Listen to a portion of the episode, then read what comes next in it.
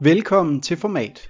Bag Format står Social Media and Content Coordinator Martin Bylund Larsen og PR-konsulent Rune Steines.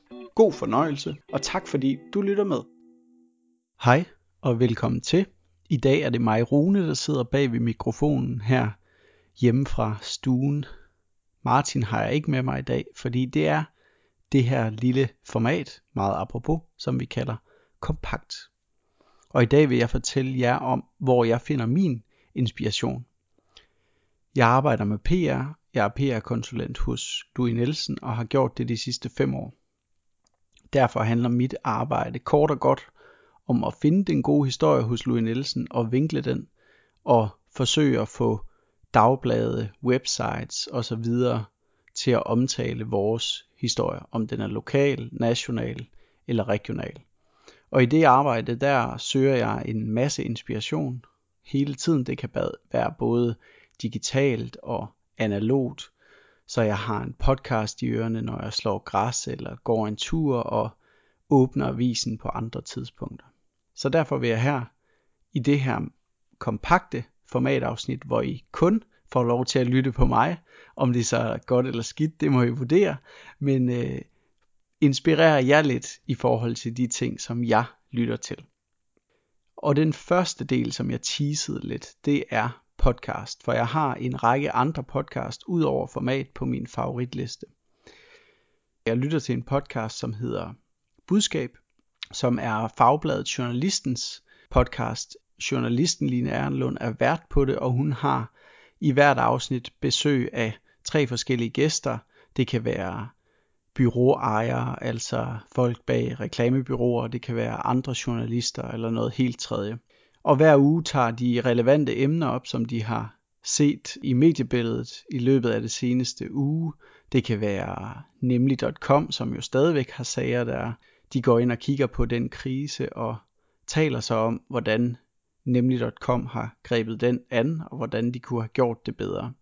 Det er selvfølgelig bare et eksempel. Øh, samtidig tager de også nogle andre relevante historier, der har været oppe. Så de danner sådan et øh, meget godt billede af ugen, der gik i journalisternes, kan man sige, og virksomhedernes land, og i forhold til de historier, der er oppe at vinde. Der er meget læring, man kan tage, tage med sig, synes jeg, ved at lytte til øh, de eksperter, som øh, Line har inde i studiet, og også ved at lytte til, til Line sådan meget skarpe spørgsmål og, og retorik i det hele taget. Så uanset om man sidder som kommunikationsrådgiver, eller om man sidder som hardcore pressekonsulent og medarbejder, som jeg er, så synes jeg, der er, der er gode ting at, at hente der.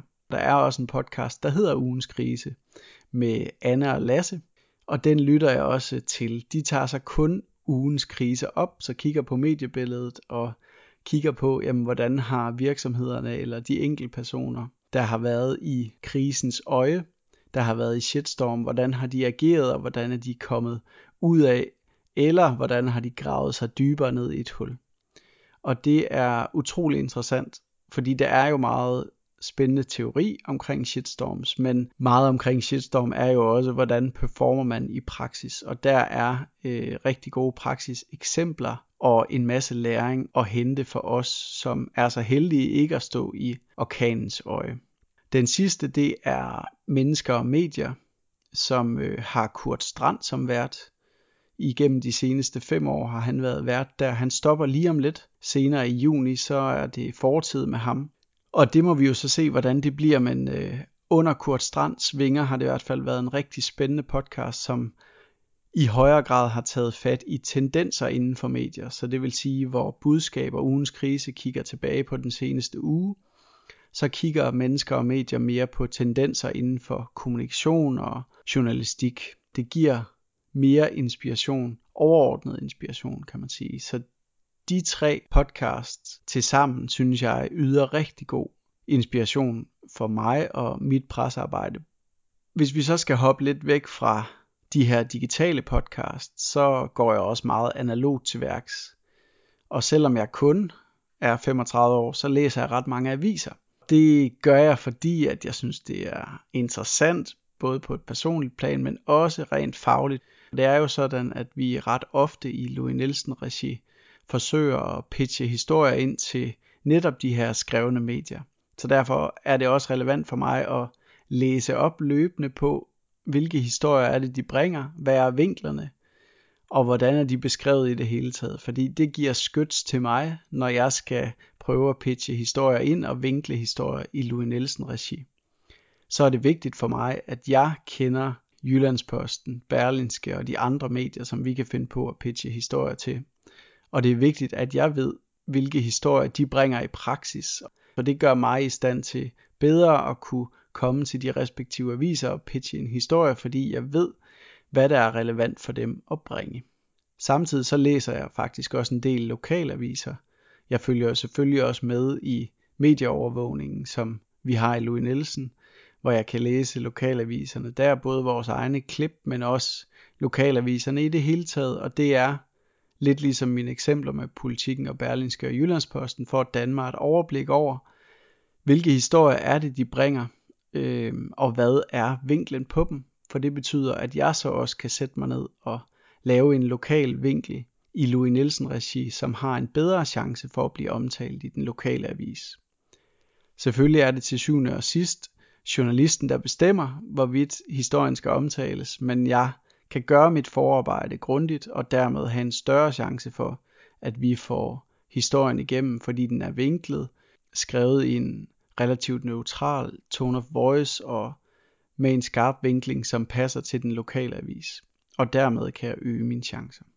Udover de beskrevne aviser, så læser jeg også magasinet Markedsføring, som både har en trygt version, men som man også kan læse via markedsføring.dk. Jeg sværger til den trygte version, for det kan jeg rigtig godt lide at sidde med i hænderne og tage med på ferie eller i weekenderne, eller hvor jeg nu ellers læser det. Og markedsføring maler med den bredere pensel og kigger ind i, som titlen jo antyder, markedsføring.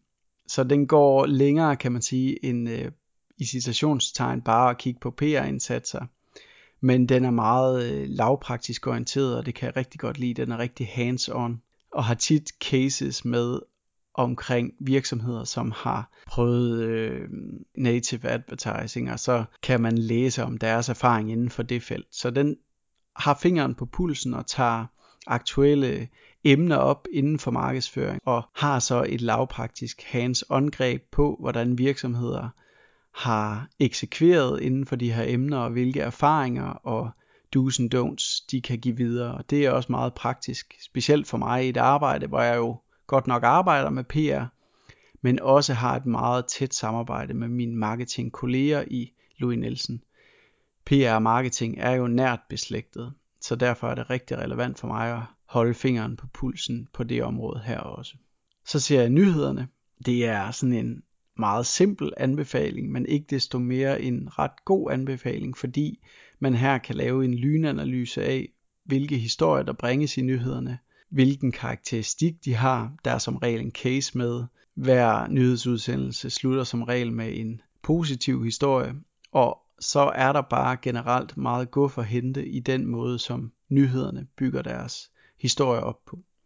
Så der er rigtig mange ting, man kan tage med og man kan overføre til sit eget PR-arbejde og pressearbejde i forhold til, hvordan historier skrues sammen. Så lidt ligesom mine eksempler med Jyllandsposten og Berlinske og lokalaviserne, så er der også her research, man kan lave.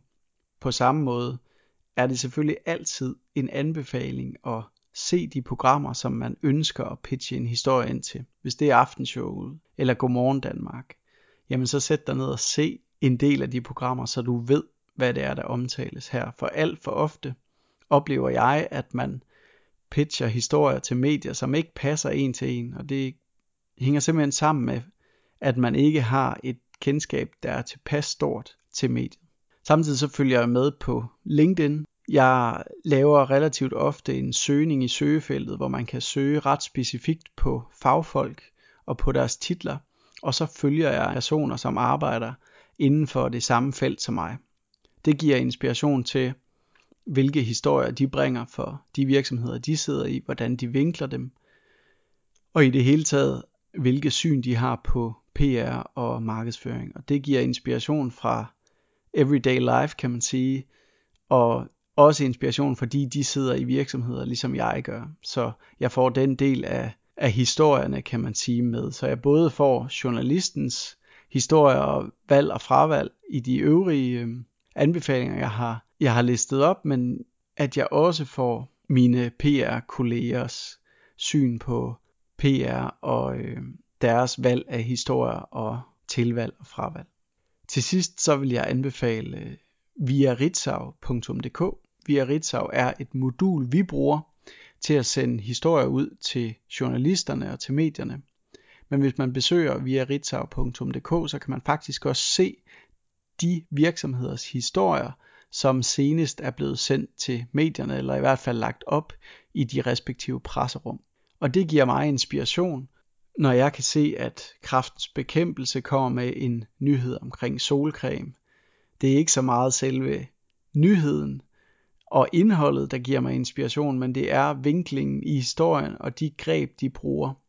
Det kan for eksempel være greb som undersøgelser eller samarbejder, samarbejder med fonde eller eksterne kilder, der giver mig inspiration til, hvordan kan jeg bygge mit pressearbejde op. Og det vil også være relevant for dig, der måske ikke har arbejdet med PR så længe. Jeg vil nærmest sige, uanset om du har arbejdet med det længe eller ej, kan der være inspiration at hente i at se, hvordan gør andre virksomheder det. Via ritzau.dk er der virkelig inspiration, fordi man kan se de færdige artikler, der er blevet lagt op i de respektive virksomheders presserum. Det var nogle anbefalinger herfra, gennemgået ret hurtigt. Jeg finder selvfølgelig også inspiration i min dagligdag i snak med kolleger og i snak med venner og bekendte, som siger noget, som jeg lige hænger fast i, og som jeg kan bruge på den ene eller på den anden måde. Jeg finder også inspiration i aktuelle begivenheder. Lige nu har vi et EM, der lige om lidt finder sted, og hver gang der er aktuelle store begivenheder, så tænker jeg også i, hvordan kan vi bygge presse op, som har en krog i de her aktuelle begivenheder, og som på en eller anden måde kan interessere journalisterne. Så aktuelle begivenheder er altså også en vej at gå i forhold til at blive inspireret til kommunikations- og pressearbejde. Det var alt herfra. Jeg håber, at I kunne holde til at høre på mig snakke uafbrudt. Om ikke andet, så er jeg sikker på, at I også snart får lov til at høre Martins stemme igen. Men tak fordi du lyttede med. Jeg håber, at min inspiration kunne bruges til noget. Og så håber jeg, at du får en dejlig dag, forhåbentlig også i solskin. Vi ses. Hej. Tak fordi du lyttede med. Vi håber, du fik nogle konkrete råd, du kan bruge i dit eget kommunikationsarbejde. Hvis du kunne lide det, du hørte, må du gerne give os en anmeldelse eller dele videre til en anden. Vi lyttes ved.